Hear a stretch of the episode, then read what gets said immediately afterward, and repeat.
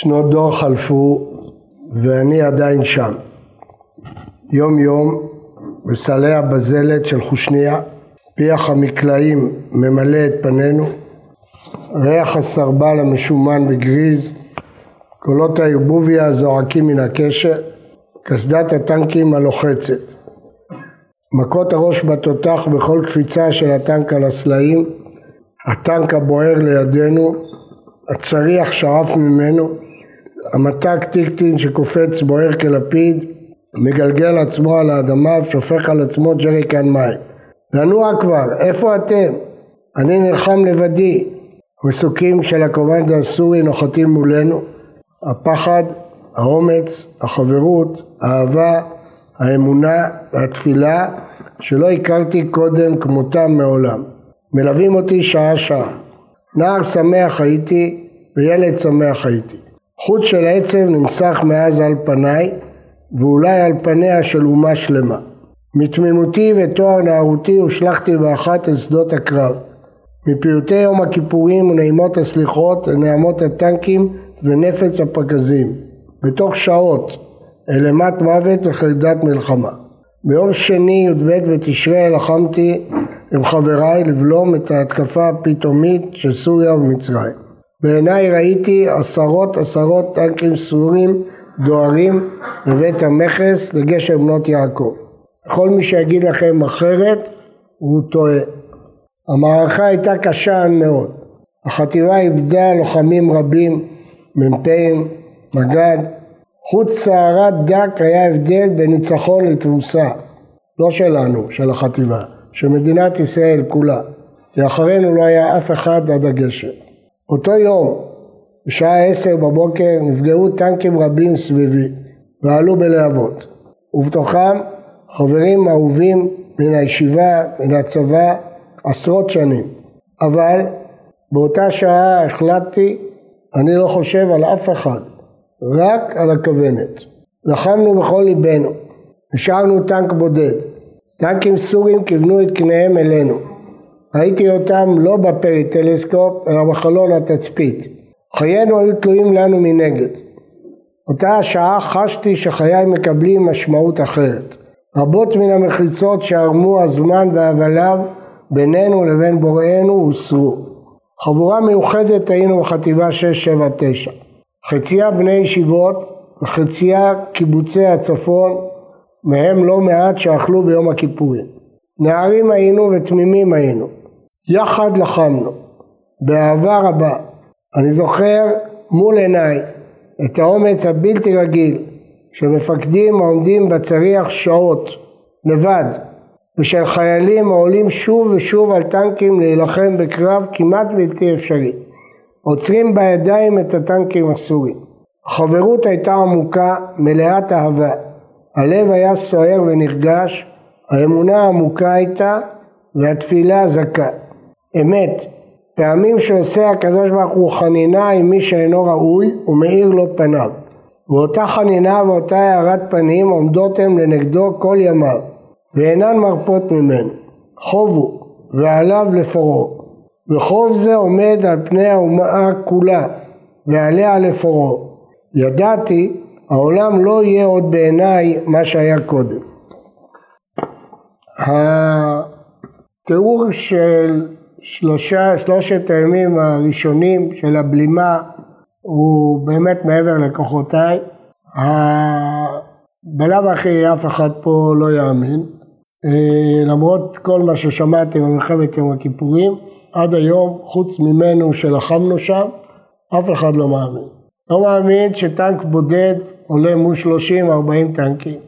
אף אחד לא מאמין שטנקיסט עולה על ארבעה טנקים אחרי שכל אנשי הצוות הקודמים שלו נשרפו.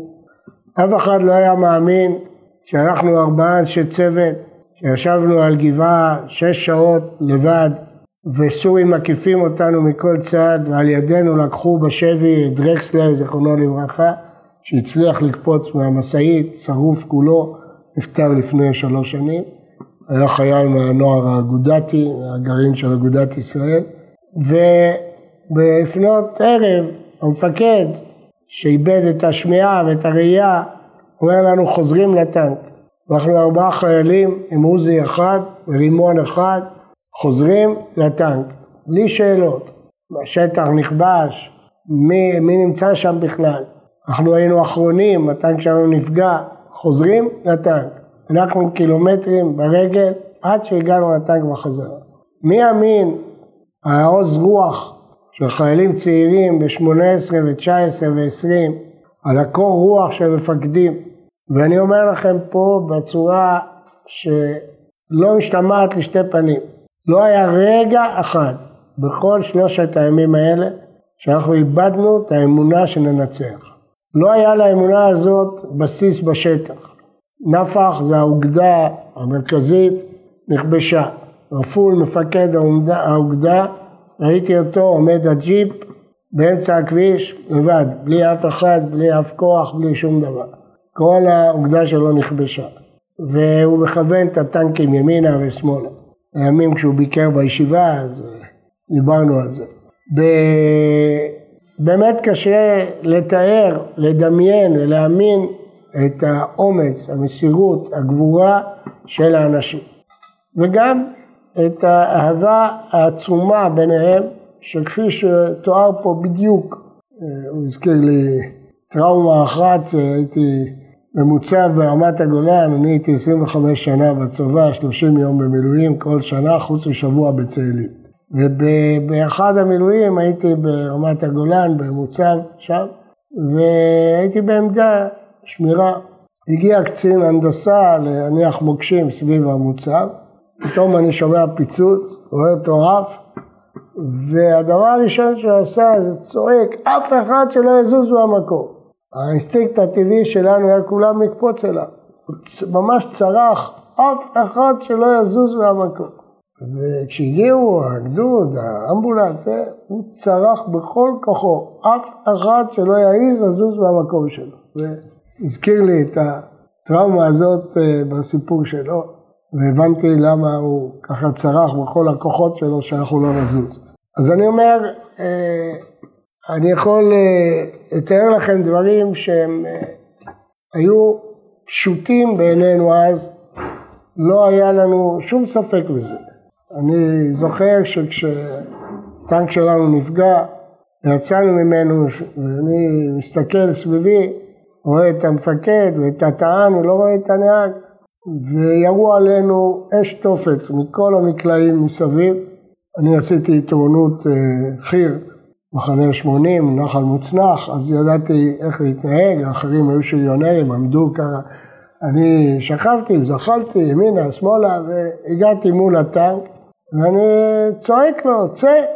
אומר לי, אני לא יכול לצאת, אי אפשר לפתוח את המדפים, התותח שוכב עליהם. לא מעשה גבורה ולא שום דבר, זה היה דבר מובן מאליו, שאני עולה לטנק, נכנס לתת תותחן, כשכל הטנקים הסוריים מכוונים מול הטנק, ומנסה להזיז את התותח כדי שהוא יוכל לצאת. וזה דקות ארוכות כמו נצח, אבל לא היה לי ספק, לא היה לי שאלה בכלל.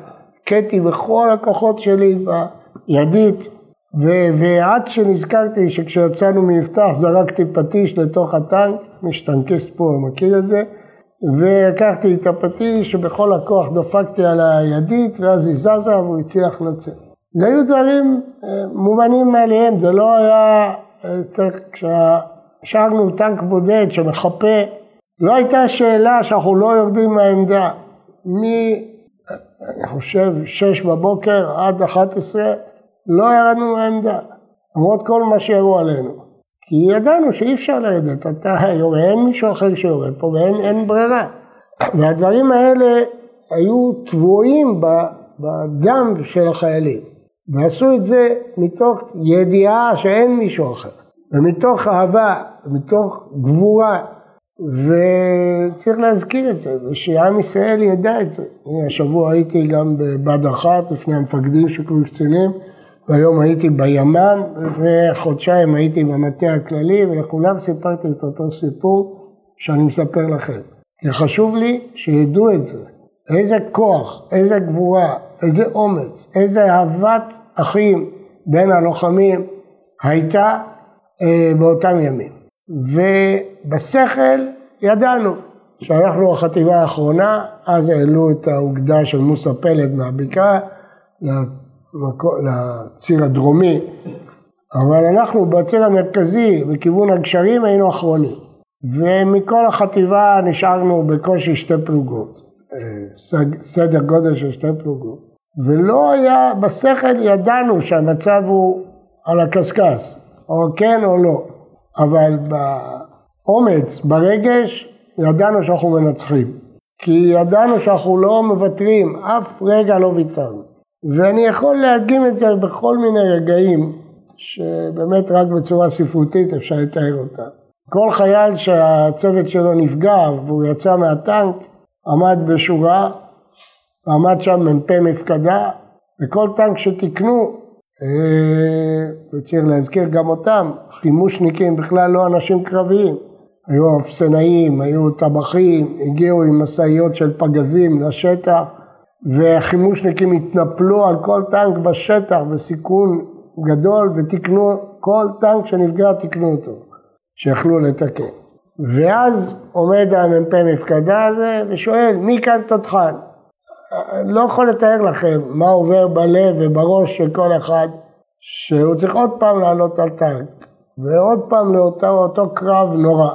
אבל uh, לא היה אף היסוס של אף אחד, אני לא מדבר עליי, אף אחד. שאלו מי כאן תותחן, כל התותחנים הרימו את היד, מי כאן נהג, כל הנהגים הרימו את היד, לעלות עוד פעם, רגע אחד. רגע שני שאני רוצה את היד היה ביום רביעי, שהגענו כבר לקונטרה, וחשבנו שגמרנו את המלחמה, ניקח הרבה הרוגים ופצועים, אבל במטה הכללי הרמטכ"ל החליט לו, פורצים לתוך סוריה. וברור שהמחשבה הראשונה שעולה בראש, בשביל מה? למה אנחנו צריכים את זה? שיעשו את זה אחרים, אנחנו עשינו את שלנו. אז לא זו בלבד, אלא שבאו וקשרו את הנוכרי שהוא הזכיר, השרשרות על הטנק שלי. זה אומר שאני אהיה פה הראשון. אז אני אומר למג"ד, הגדוד שלנו הוא ראשון? הוא אומר לי, כן. אמרתי לו, תראה מי נשאר פה בגדוד.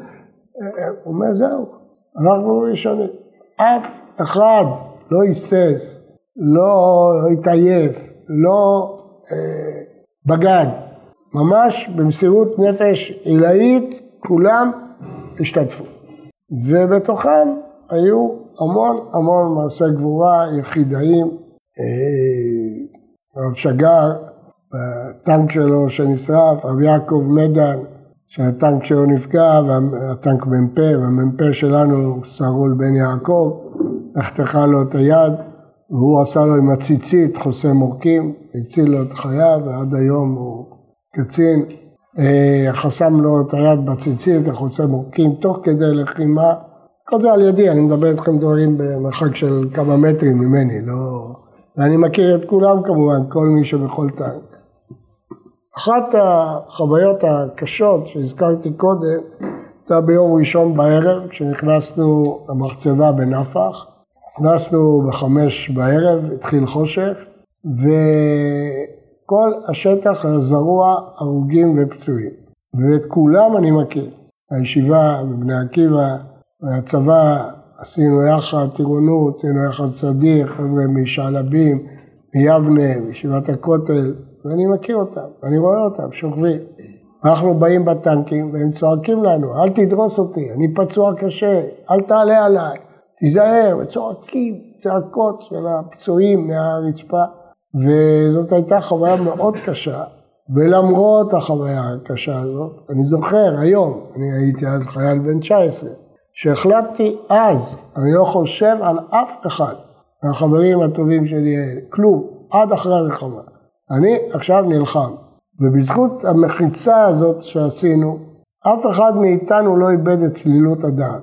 לא נכנסנו לבהלה, לא נכנסנו לטראומה, לא נכנסנו לפחד מוגזם, היה פחד, אבל לא פחד שמשתק אותך, שלא נותן לך לתפקד, שאתה רועד, אף אחד מאיתנו, ונלחמנו בהיגיון ובצלילות לאורך כל המלחמה.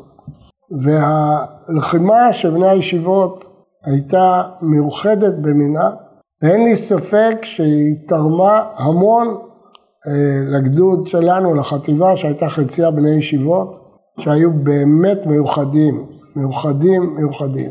רק בשביל שתבינו את המושגים, אני אזכיר כמה מהם. אבנר מיכאלי, זיכרונו לברכה, חודשיים לפני המלחמה היינו בשארם א-שייח, וכשכולם הלכו לים ולצלול, אנחנו ישבנו בצריף לוהט וגמרנו את כל מסכת שבת עם הריב, הר"ן והראש, עם אבנר מיכאלי, הוא נהרג. היה משה כהן מישיבת שעלבים, גם כן עילוי, גאון, שתוך כדי ריצה, סיור, תמיד היה מזכיר שאלות ותשובות. הרב שמואל אורלנד ידע את כל יורדיה עם סעיף קטן בעל פה, והוא הלך איתנו בטנקים, נהרג ביום ראשון. דוב אינדיג היה בחור יוצא דופן, אינטלקטואל, שכשהיינו בכיתה ו' היה שואל אותי שאלות על אריסטו ועל איינשטיין ועל רב חיים מבריסק, כשהיינו בכיתה ו', ז', בחור שקרא הכל, ידע הכל, אבל הלב שלו היה מלא אהבה לעם ישראל. הוא היה חוזר בקרן ביבנה בטרמפים ולא באוטובוס, כי כאב לו שאימא שלו עובדת והוא לא רצה להוציא כסף על חשבונה. היה נדיר, ביום ראשון בצהריים נהרג שם, למרגלות הר שיפון. כל מה שאני מספר לכם זה מי שטנקיסט פה יודע, לאזור הר שיפון לכיוון הרמתניה והחושניה, שם עושים את כל האימונים רכס הרמתניה וצפונה. היה דבר מוזר, שאני לא יודע להסביר אותו, מלחמת יום כיפור לא לחמו בלילה.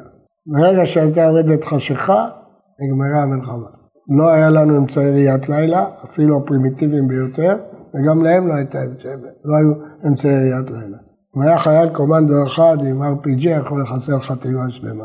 אבל הם לא זזו, אנחנו לא זזנו, בלילות. וכמובן שאז התחילו המחשבות, וה... אני סיפרתי ואני מספר על המתג שלי, דוב פסטרנק, כשיצאנו למלחמה היינו שלושה בחורים בני ישיבות, אהרון אייזנטל מיבנה, אלי אפללו מיבנה ואני מישיבת הכותל. ניגש אלינו לטנק שי הולץ מישיבת הכותל, חמד של בחור, בחור, חמד בחורים. הוא, הורים שלו ניצולי שואה, עלה על הטנק, אמר לנו זו מלחמה רצינית, תתפללו לפני שאתם יוצאים. הוא נהרג למחרת בבוקר. והתפללנו, אמרנו שיר המעלות.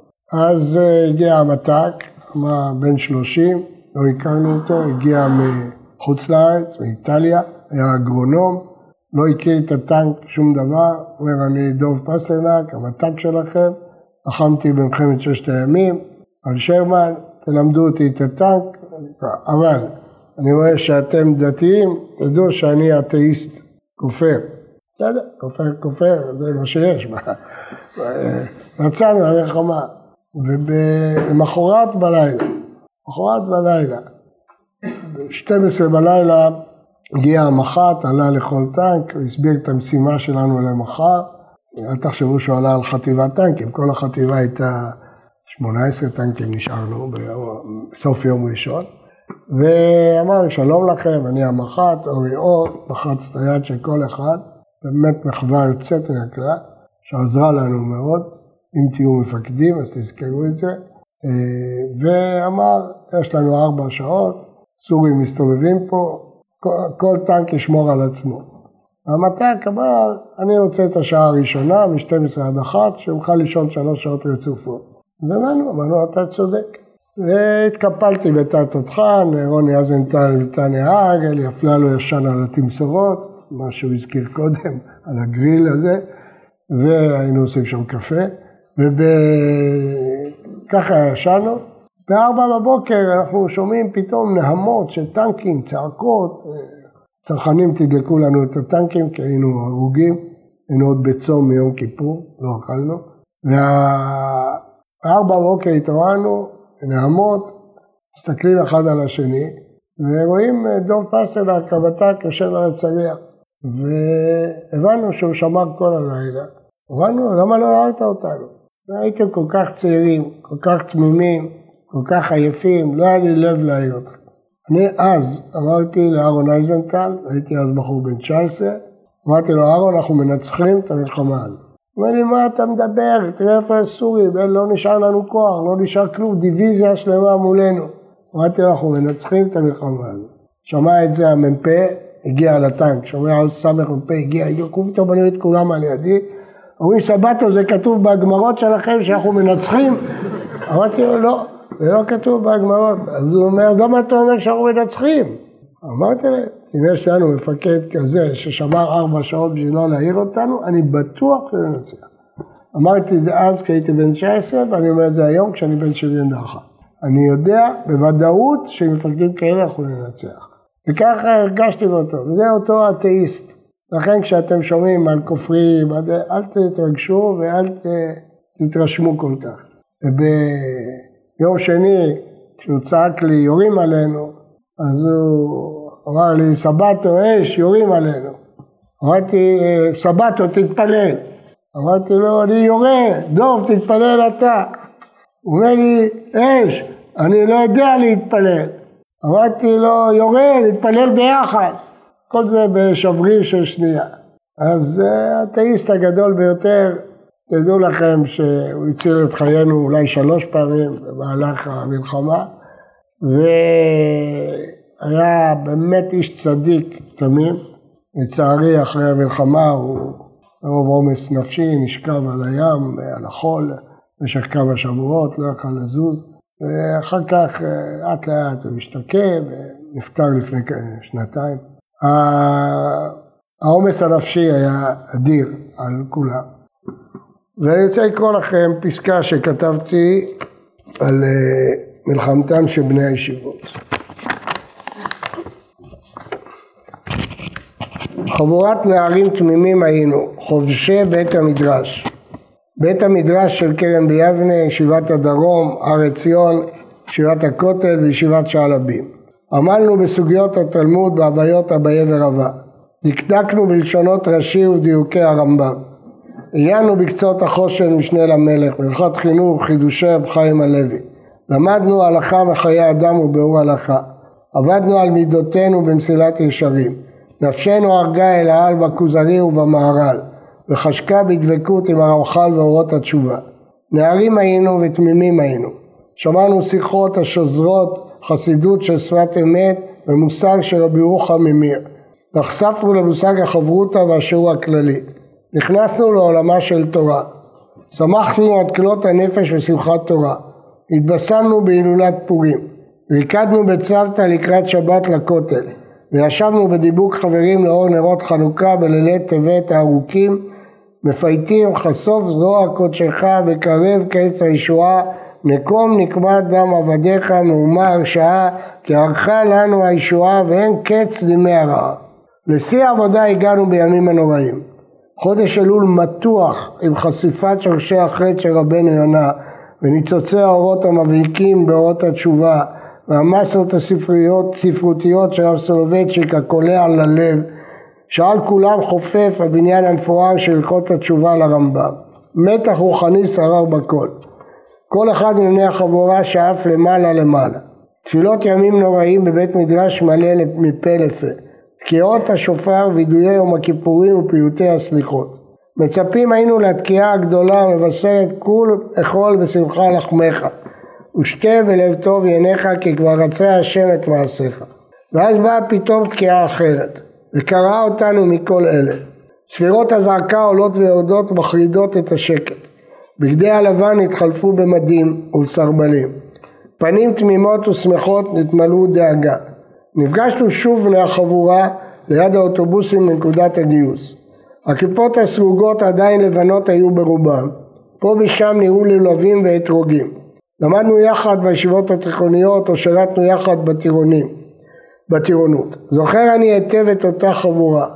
נהג טנק צעיר שיושב על התמסורות של הצנטוריון ומסכת קטנה חומה בידו. אומרים עליו שהוא סיים מסכת באימון חטיבה. היום הוא רם ידוע, אפשר להגיד גם מי זה, הרב יעקב מדן. שני אברכים משננים סעיפים קטנים באורי דעה לקראת המבחן ברבנות. היום גם אפשר כבר להגיד מי זה, אחד מהם הרב יצחק הלוי, רב של קרני שומרון, והשני זה, השם ייקום דמו, הרב שמואל אורלנד. נערים אחרים יושבים בצוותא בין אימון לאמון, משוחחים ומחליפים מדברי ראשי הישיבה שלהם. זוכר אני את ההמתנה בעלות השחר להתקפת מטוסים בתרגיל חטיבתי כשכל מכשירי הקשר צועקים קודקוד, הגפרורים רוצים כמה קטנות לתפילת שחרית.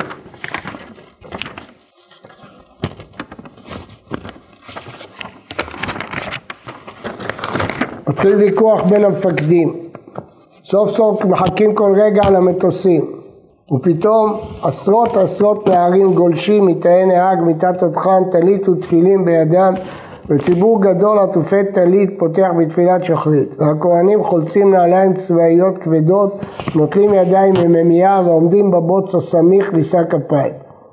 המפקדים עומדים בצד נפעמים, מעולם לא ראו מראה כזה, באמת מזמן לא נראה מראה כזה בעם ישראל. הפעם אין זה תרגיל, מלחמה, חרדה בלב, עלינו לאוטובוסים. בתוך ארבע שעות היינו בעולם אחר, אחר לגמרי. דהרנו עם הטנקים לעולם של פחד ושל אש, עולם שהחיים תלויים בו מנגד. ארץ ישראל בסכנה, ואנו נקראנו לעצור בגופנו את האויב. בבת אחת התבגרנו, כל חיינו קיבלו משמעות אחרת.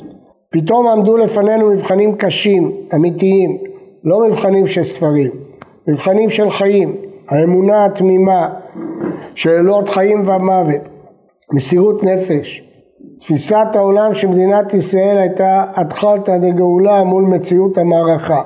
המבחן האישי, כיצד עדינות הנפש של בית המדרש נהפכת לנחישות ועוז נפש בקרב כשאתה יורה בסורי מולך ואתה רואה את גופתו על הרצפה.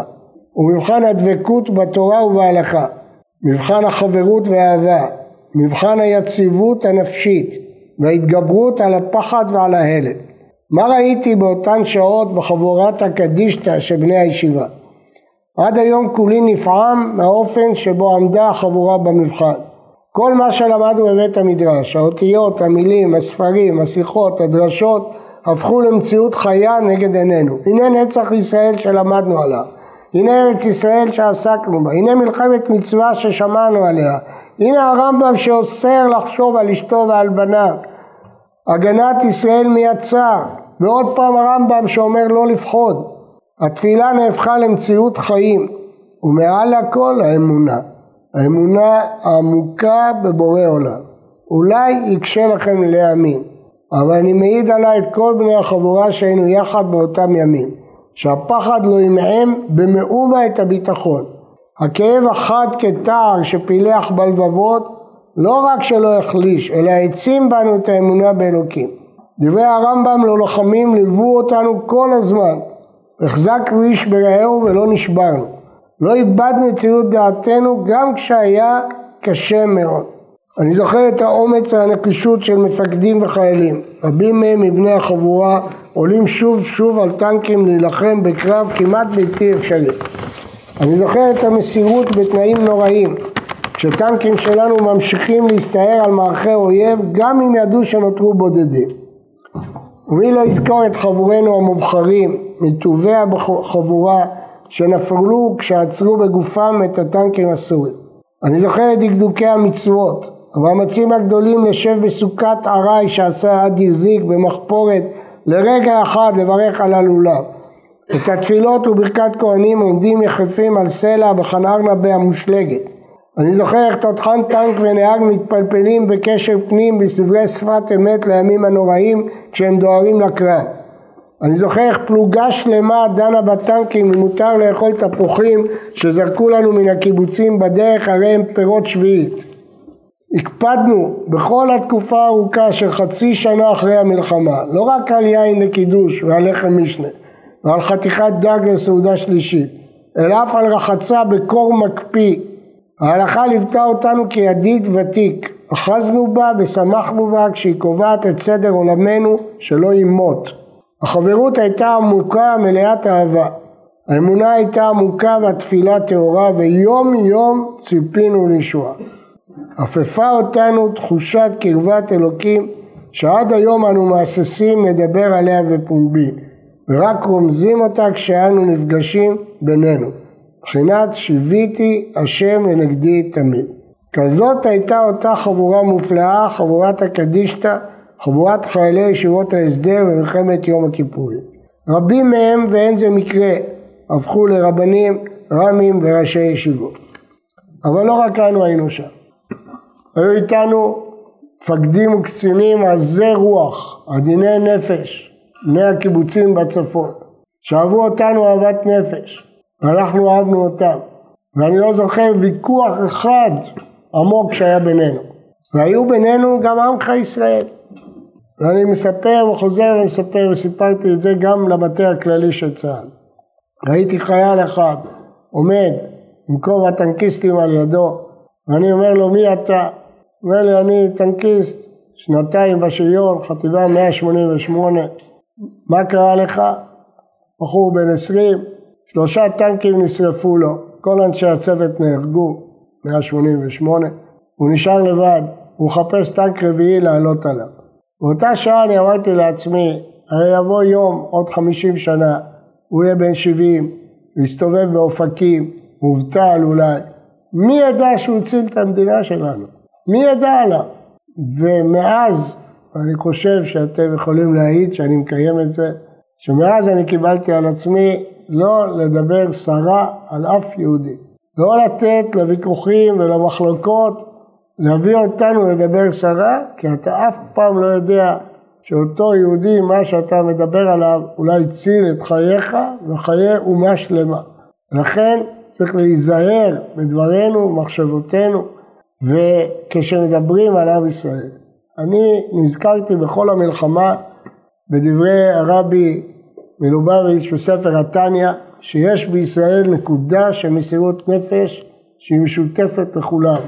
לא משנה באיזה דרגה הוא. אני חושב שראיתי את הנקודה הזאת.